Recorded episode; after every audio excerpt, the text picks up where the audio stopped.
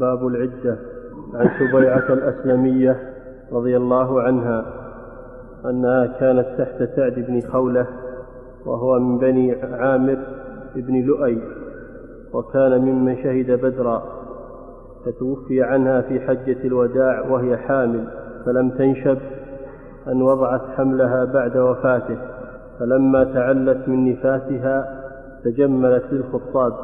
فدخل عليها أبو السنابل ابن بعكك رجل من بني عبد الدار فقال لها ما لي أراك متجملة لعلك ترجين النكاح والله ما أنت بناكح حتى تمر عليك أربعة أشهر وعشر قالت سبيعة فلما سبيعة الله قالت سبيعة فلما قال لي ذلك جمعت, جمعت علي ثيابي حين أمسيت فأتيت رسول الله صلى الله عليه وسلم فسألته عن ذلك فأفتاني بأني قد حللت حين وضعت حملي وأمرني بالتزويج إن بدا لي. قال ابن شهاب ولا أرى بأسا أن تتزوج حين وضعت وإن كانت في دمها غير أنه لا يقربها زوجها حتى تطهر. نعم. هذا حديث سبيعة الأسلمية أنها كانت تحت سعد بن خولة رضي الله عنه وكان من المهاجرين وممن شهد بدرا وتوفي رضي الله عنه في حجة الوداع وهو الذي قال فيه النبي صلى الله عليه وسلم لكن البائس سعد بن خولة يرثي له رسول الله صلى الله عليه وسلم أن مات بمكة. وهو قد هاجر منها. فهذه امرأته لما توفي في الحال وضعت حملها. توفي عنها وهي حامل فوضعت حملها وفهمت أنها بوضع حملها خرجت من العدة عدة الوفاة وتزينت تزينت لأنها خرجت من العدة ودل على أن المعتدة للوفاة لا تتزين. كما يأتي في الإحداث فهي فهمت في فقهها أنها انتهت عدتها بوضع الحمل استدلالا بقوله وأولاة الأحمال أجلهن أن يضعن حملهن الآية عامة في المطلقة وفي المتوفى عنها.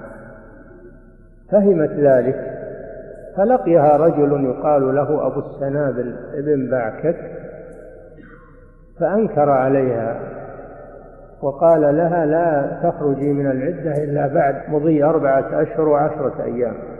عملا بقوله تعالى والذين يتوفون منكم ويذرون أزواجا يتربصن بأنفسهن أربعة أشهر وعشرا. وذلك لأن المرأة في الشهر الرابع في الشهر الرابع يتحرك جنينها وينفخ فيه الروح.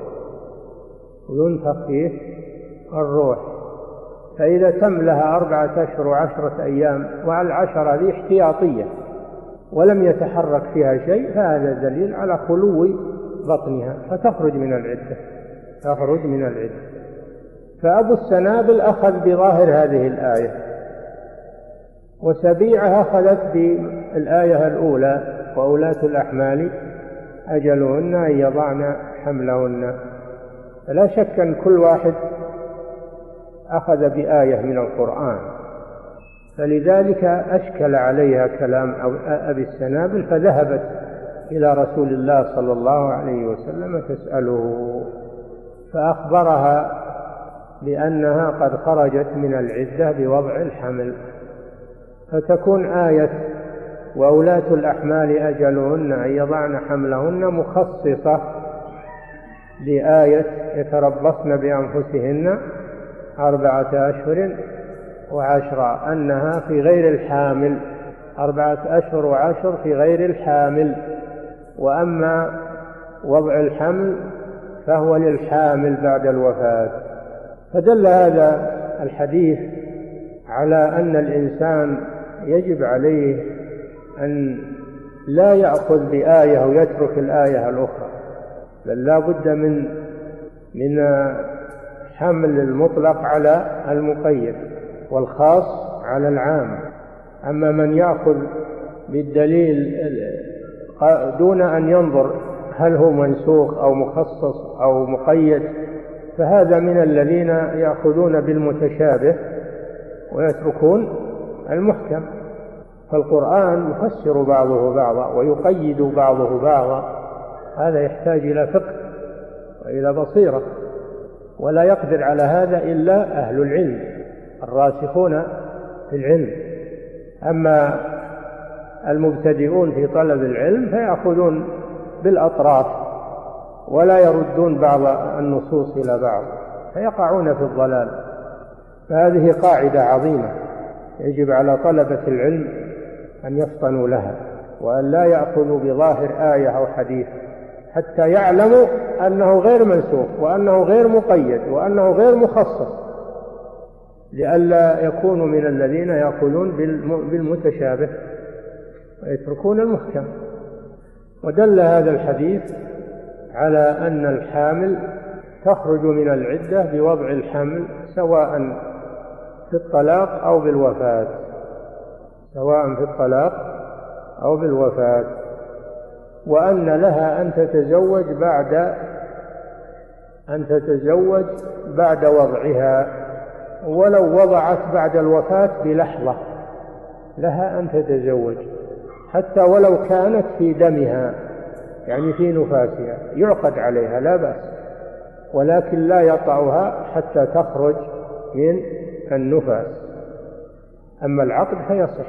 ولذلك يصح العقد على الحائض يصح العقد على النفساء ولكن لا يطأها إلا بعد انقضاء الحيض أو النفاس وهذا فقه عظيم يفوت على كثير من غير المتمكنين في العلم فهمه والإحاطة به.